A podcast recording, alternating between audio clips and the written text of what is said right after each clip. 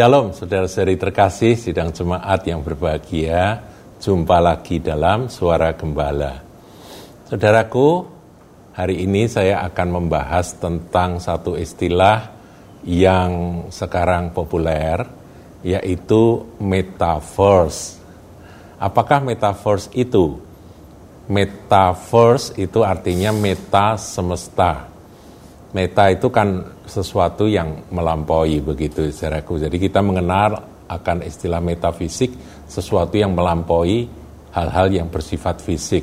Nah, ini sesuatu yang di luar atau bukan bukan sesuatu alam semesta yang sesungguhnya. Force itu kan universe itu semesta. Tapi metaverse itu adalah bagian dari internet yang menyajikan realitas virtual. Realitas realitas itu kan kenyataan, tapi virtual itu maya, ya gitu saudaraku ya. Yang dibuat semirip mungkin dengan eh, keadaan atau dunia yang nyata, yaitu melalui terobosan perkembangan internet atau kemajuan teknologi IT ini. Saya akan ngajak saudara melihat Daniel 12 ayat yang keempat ayat yang terkenal mengenai apa yang akan terjadi di akhir zaman. Daniel 12 ayat 4 berbunyi, Tetapi engkau Daniel sembunyikanlah segala firman itu. Daniel adalah nabi akhir zaman, dia mendapat banyak pewahyuan tentang peristiwa-peristiwa uh, akhir zaman, saudaraku. Tapi dia suruh sembunyikan segala firman itu dan meteraikanlah kitab itu sampai pada akhir zaman. Jadi nanti di akhir zaman akan banyak orang akan melihat kenyataan dari apa yang sudah dinubuatkan oleh Nabi Daniel. Kemudian banyak orang akan menyelidikinya. Jadi banyak yang meneliti, menyelidiki dari zaman ke zaman. Tapi bagaimanapun juga sebelum meterai-meterai itu dibuka oleh Tuhan, kita juga nggak akan paham. Ya, karena ini berkait dengan apa yang akan kita baca dan pengetahuan akan bertambah. Jadi pengetahuan di sini bisa ditafsir pengetahuan rohani ya, tapi juga pengetahuan teknologi ya, science itu akan terus berkembang bertambah-tambah. Makin lama makin cepat saudaraku pertumbuhannya.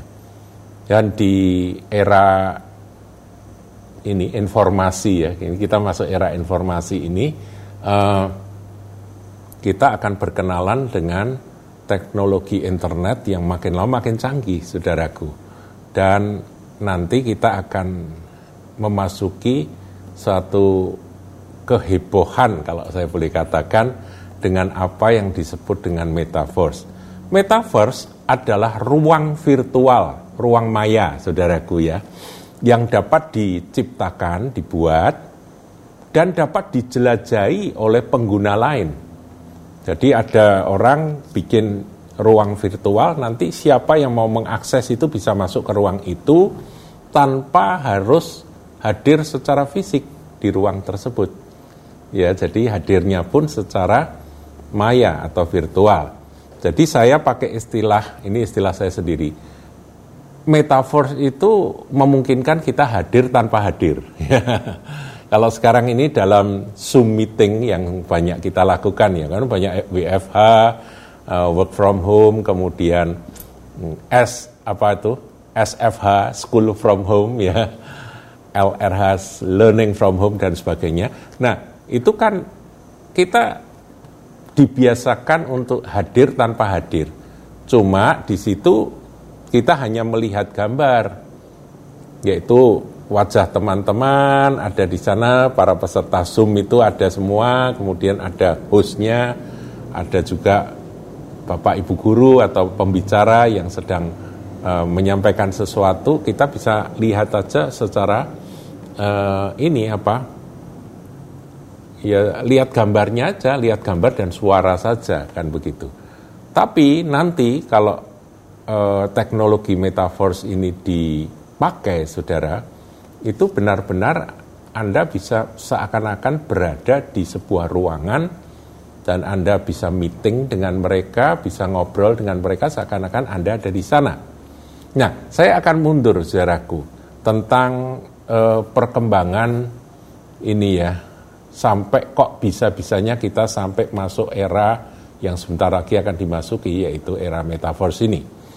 Saya akan mundur ketika saya kecil, saudaraku. Waktu saya masih kecil, satu-satunya hiburan yang paling menggembirakan anak-anak yaitu kalau diajak nonton bioskop. Betul ya? Belum ada televisi, saudaraku adanya bioskop. Bioskop pun dulu masih hitam putih tapi kemudian berwarna ya. Nonton bioskop itu adalah eh, kebahagiaan bagi anak-anak pada masa itu. Kita bisa melihat gambar yang hidup, saudara. Dan suara yang bagus yang bisa kita dengarkan. Kita melihat dengan mata, mendengar dengan telinga. Jadi panca indera yang disentuh melalui tayangan-tayangan bioskop itu adalah mata dan telinga ya. Di sana ada gambar hidup tapi dua dimensi ya. Layar saja, layar. Kemudian berkembang, kita nggak usah pergi ke bioskop, bioskopnya datang ke rumah kita. Itulah era televisi, saudaraku ya. Di mana kita tidak perlu pergi ke gedung, tapi gambar hidup itu ada di rumah kita masing-masing. Itu zaman TV, ya siaran TV yang hanya hadir tiap sore atau mal, sampai malam, setelah itu lenyap karena hanya ada satu channel, yaitu TVRI. Nah, itu masa-masa kecil saya.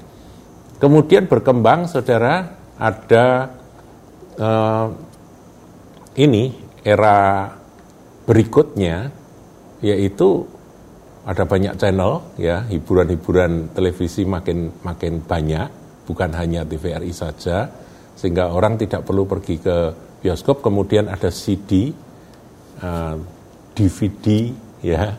VCD kemudian berkembang menjadi DVD kemudian uh, akhirnya sampai sekarang pakai flash disk itu ya saudaraku ya uh, itu semua terus merupakan perkembangan di mana kita bisa menikmati tayangan-tayangan gambar tersebut di rumah. Nah, baru era berikutnya yaitu era komputerisasi. Komputer yang ada di rumah. Kemudian ada tablet, tablet ya. Kemudian ada smartphone. Nah, smartphone itu berkembang. Nah, di situ kita diperkenalkan dengan internet, saudara. Internet itu ada 2G, ya kecepatan uh, ininya apa download dan send itu apa data itu 2G kemudian dengan berikutnya menjadi 3G kemudian menjadi 4G yang ada di Indonesia ini sekarang 4G. Tapi saudaraku saya terus mengikuti meskipun nggak paham saudaraku tapi saya ikuti aja 5G sudah ada ya di negara tertentu bahkan di Cina baru saja uh, memberitakan 6G ya yang sanggup mendownload data itu satu terabyte dalam satu detik. Wow, satu tera di-download dalam satu detik. Wow. Ya, jadi alatnya semakin canggih. Dan dengan perkembangan internet itu kita bukan hanya bisa telepon-teleponan dengan dengan orang-orang yang kita kasihi yang ada di luar negeri, anaknya kuliah di luar negeri kemudian telepon-teleponan tiap hari. Bukan hanya telepon, sekarang bisa melihat wajah dari si anak. Ya anaknya sedang sedang apa, makan apa kita bisa lihat, bisa guyon dan itu eh, sekarang sudah menjadi biasa. Pada awalnya memang luar biasa, lama-lama biasa, saudaraku. Jadi dunia jadi sempit, jarak jadi seakan-akan tidak ada. Tapi yang tidak bisa kita lakukan adalah apa? Membelai akan kepala anak kita, ya. menyentuh hidung dari orang yang kita kasih, kita nggak bisa, saudaraku, karena hanya gambar kan. Nah, di situlah maka orang mencoba mengembangkan menjadi suatu tipuan bukan hanya bukan hanya mata yang melihat dua dimensi, tapi menjadi tiga dimensi. Jadi seakan-akan ada bentuknya benar ya, bukan hanya gambar begitu dan suara. Nah di situlah mulai uh, ada pengembangan-pengembangan teknologi uh, ini apa informasi sampai munculnya apa yang diperkenalkan dengan istilah metaverse tadi. Saudaraku, pandemi atau COVID-19 yang tak kunjung usai ini, yang berkepanjangan ini memang mengubah perilaku dari eh, kita yang biasa berangkat kerja ke kantor dan sebagainya, sekarang jadi terbiasa dengan istilah WFH atau work from home learn from home dan sebagainya. Semuanya from home. Hanya pakai komputer, ya, laptop atau pakai handphone. Di situlah anak-anak mulai mulai dibiasakan untuk sekolah. Bahkan olahraga pun itu katanya juga di rumah ya. Di rumah masing-masing lewat Zoom atau Google Meet dan aplikasi-aplikasi lain. So, semuanya jadi perilakunya jadi berubah baru dicoba tatap muka sebentar sudah ditutup lagi saudaraku karena adanya Om Om siapa? Om Mikron ya. Bagaimana saudaraku dengan adanya perubahan ini? Ya, sedikit perkenalan sebelum nanti saya akan masuk ke munculnya kalau gereja YouTube memang sudah diperkenalkan ya bahkan kita pun juga pakai uh, sarana YouTube ini untuk terus memberitakan firman, untuk berinteraksi, berkomunikasi dengan jemaat. Um, hari-hari ini kita juga juga kembali online, saudaraku ya streaming online. Kemudian setelah gereja YouTube, na, nanti akan ada gereja metaverse. Ya ini ada satu gereja yang sudah me, apa itu memperkenalkan bahwa kami sudah memulai gereja metaverse ya. Itu gereja NDC itu saya nggak tahu gereja apa itu belum kenal saudaraku. Ya diajari bagaimana cara downloadnya dan sebagainya. Nah itu kalau pakai kacamata virtual itu saudaraku itu malah lebih hidup lagi nanti seakan-akan Anda hadir di sana. Jadi bukan hanya nonton virtual di mana avatar Anda itu berjalan gitu enggak, tapi seakan-akan diri Anda masuk Nah, saudara, saya akan sedikit cerita. Ini kan perkenalan tentang metaverse ya. Nanti saya harap di di tayangan berikut saya akan masuk lebih dalam tentang bahaya dari metaverse. Meskipun saya akan awali bahwa teknologi apa pun itu selalu ada dua sisi. Sisi positif di mana kita bisa pakai itu untuk kemuliaan Tuhan dan untuk pemberitaan kabar baik, tapi bisa juga bisa menyesatkan. Ya seperti YouTube lah. YouTube itu isinya saudara yang paling kotor, yang paling sesat, yang paling menyesatkan ada, tapi yang benar juga tidak kurang-kurang. Jadi Tuhan pakai. Jadi kita nggak perlu uh, menolak akan perkembangan zaman, perkembangan kemajuan sains dan teknologi. Ya seperti tadi firmannya. Ya, sedikit tambahan informasi saudaraku yang saya dapatkan dari internet juga.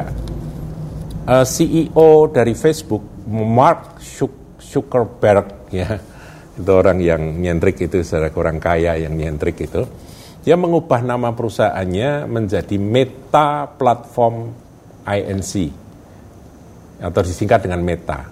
Itu dia lakukan tanggal 28 Oktober 2021 yang lalu. Dengan adanya metaverse Anda bisa nonton konser virtual, melakukan perjalanan online dan sebagainya. Ya ini kan sebetulnya kan tipuan mata, tipuan telinga, saudara.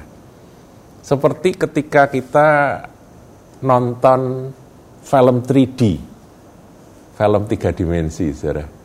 Kalau dua dimensi sudah biasa, tiga dimensi, pakai kacamata kan? Kacamata yang sini gelap, sini terang itu ya, dipakai nonton. Nah, itu kan kita bisa kaget-kaget. Ketika ada kupu terbang sampai di depan hidung kita, otomatis tangan kita meraih-raih sesuatu yang kosong. Betul ya? Yang ditipu apa? Matanya. Mata yang tadinya melihat dua dimensi, sekarang seakan-akan tiga dimensi. Kalau di sana ada kayu yang nyodok kita sampai menghindar begini. Padahal nggak ada papanya, saudaraku. Betul ya? Nah, terus dikembangkan lagi, ya itu biasanya dalam gedung-gedung eh, amusement, gedung-gedung tontonan untuk anu kita ya untuk happy happy gitu ya di Universal Studio di Disneyland itu ada itu saudara duduk kemudian nonton film yang saya pernah nonton itu adalah film Shrek saudara ya. Film Shrek tiga dimensi. Nah yang lucunya terakhir itu keledainya Shrek itu kan lucu sekali ya. Itu tuh meludah.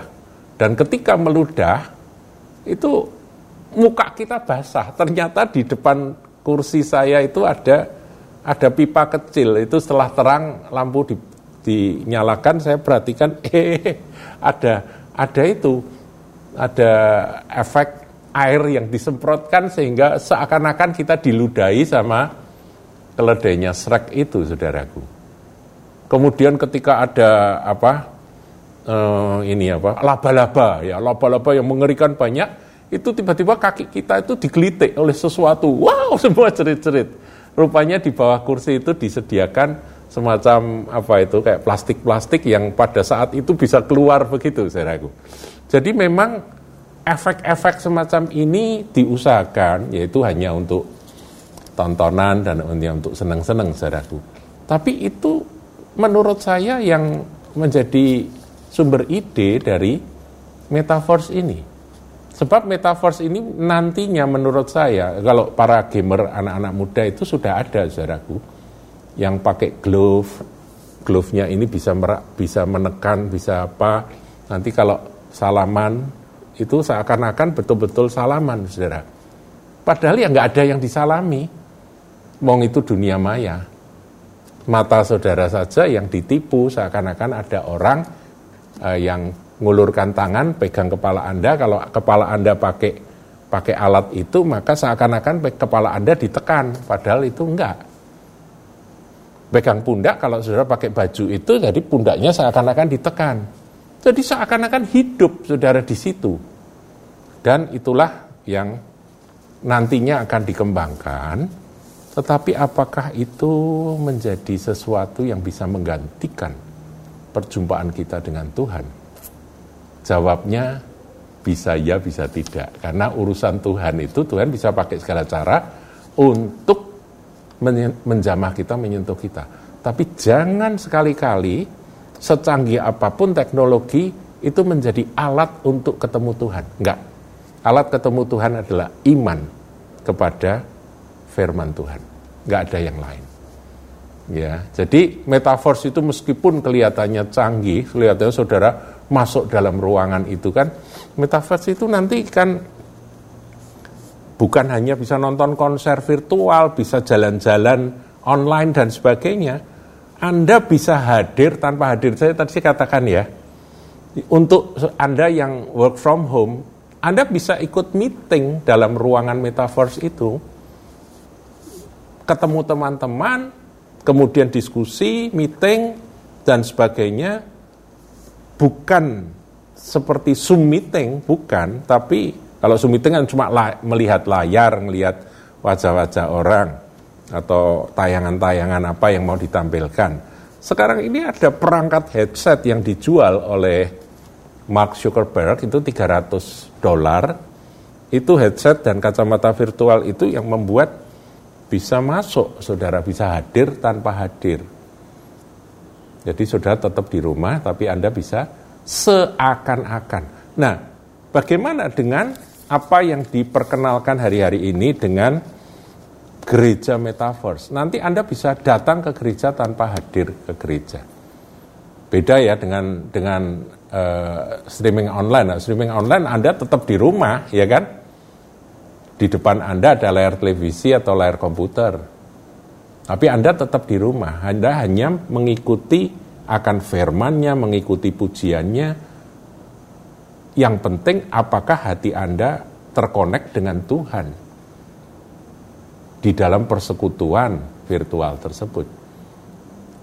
Jadi yang penting adalah perjumpaan kita dengan Tuhan. Tapi kalau metaverse itu bisa menipu loh saudara. Bisa menipu, jadi kita harus waspada. Ya saya akan akhiri dengan sebuah e, pertanyaan, apakah metaverse itu merupakan kenyataan dari peristiwa ketika Paulus dibawa ke surga gitu ya. Ya ini ini saya bacakan di 2 Korintus 12 ayat 1 ya. Aku harus bermegah sekalipun memang ti, memang hal itu tidak ada faedahnya. Namun demikian aku tidak memberitakan penglihatan-penglihatan dan penyataan-penyataan yang kuterima dari Tuhan. Metaverse tidak menggantikan penglihatan yang dari Tuhan. Metaverse bukan alat yang otomatis membuat Anda dapat menerima wahyu dari Tuhan. Tidak. Tidak, saudaraku. Itu hanya pengembangan dari ya dari dua dua dimensi menjadi seakan-akan tiga dimensi. Demikian. Kemudian ayat 2, aku tahu tentang seorang Kristen 14 tahun yang lampau. Ini uh, banyak penafsir, ini ya Paulus sendiri ya, dia merendahkan hati tidak berani menyebut bahwa itu adalah dirinya. Seorang Kristen 14 tahun yang lampau. Entah di dalam tubuh, aku tidak tahu. Entah di luar tubuh, aku tidak tahu. Allah yang mengetahuinya, orang itu tiba-tiba diangkat ke tingkat yang ketiga dari sorga. Aku juga tahu tentang orang itu, entah di dalam tubuh, entah di luar tubuh, aku tidak tahu. Allah yang mengetahuinya, ia tiba-tiba diangkat ke Firdaus, dan ia mendengarkan kata-kata yang tak terkatakan, yang tak boleh diucapkan manusia. Saudara kembali kepada sumbernya. Hamba Tuhan yang yang meng, anu apa yang menyelenggarakan gereja metaverse itu memberitakan firman yang benar atau sesuatu yang menipu. Kembali kepada sumbernya. Kalau dia mengajarkan yang benar, dia pasti akan mengatakan ini hanya alat, ini hanya modernisasi daripada alat komunikasi kita. Tapi ini tidak menggantikan hubungan pribadi Anda dengan Tuhan. Anda terjamah oleh Tuhan atau tidak itu bukan sekedar eh, kepuasan mata, kepuasan telinga seperti kita nonton eh, apa bioskop tiga dimensi yang kita seneng-seneng begitu, bukan itunya. Esensinya bukan di sana esensinya adalah Anda berjumpa dengan Tuhan Yesus, memuliakan Dia atau tidak. Dan kita juga harus waspada bahwa ya iblis pun menyamar sebagai malaikat terang yang bisa datang sewaktu-waktu melalui apa saja. Jadi intinya adalah apakah kebenaran firman Tuhan itu yang menjadi pusat segala-galanya. Ya, jadi kita uh, berkenalan saudaraku karena ini memang merupakan sesuatu yang ada di, di depan kita yaitu tentang metaverse ya. Jadi realitas virtual itu realitas yang fiktif, imajinatif atau saya ngomong agak sedikit negatif itu tipuan mata saudara dan tipuan perasaan. ya, jadi kita ngerti ya tipuan ini apa ya nggak nggak nggak jelek kalau teknologi itu bisa membantu kita untuk lebih menikmati toh kita masih hidup di dunia ya. Tapi yang penting adalah apakah Anda berjumpa dengan Tuhan Yesus melalui firman-Nya. Kuasa Roh Kudus yang akan menolong kita. Tuhan memberkati.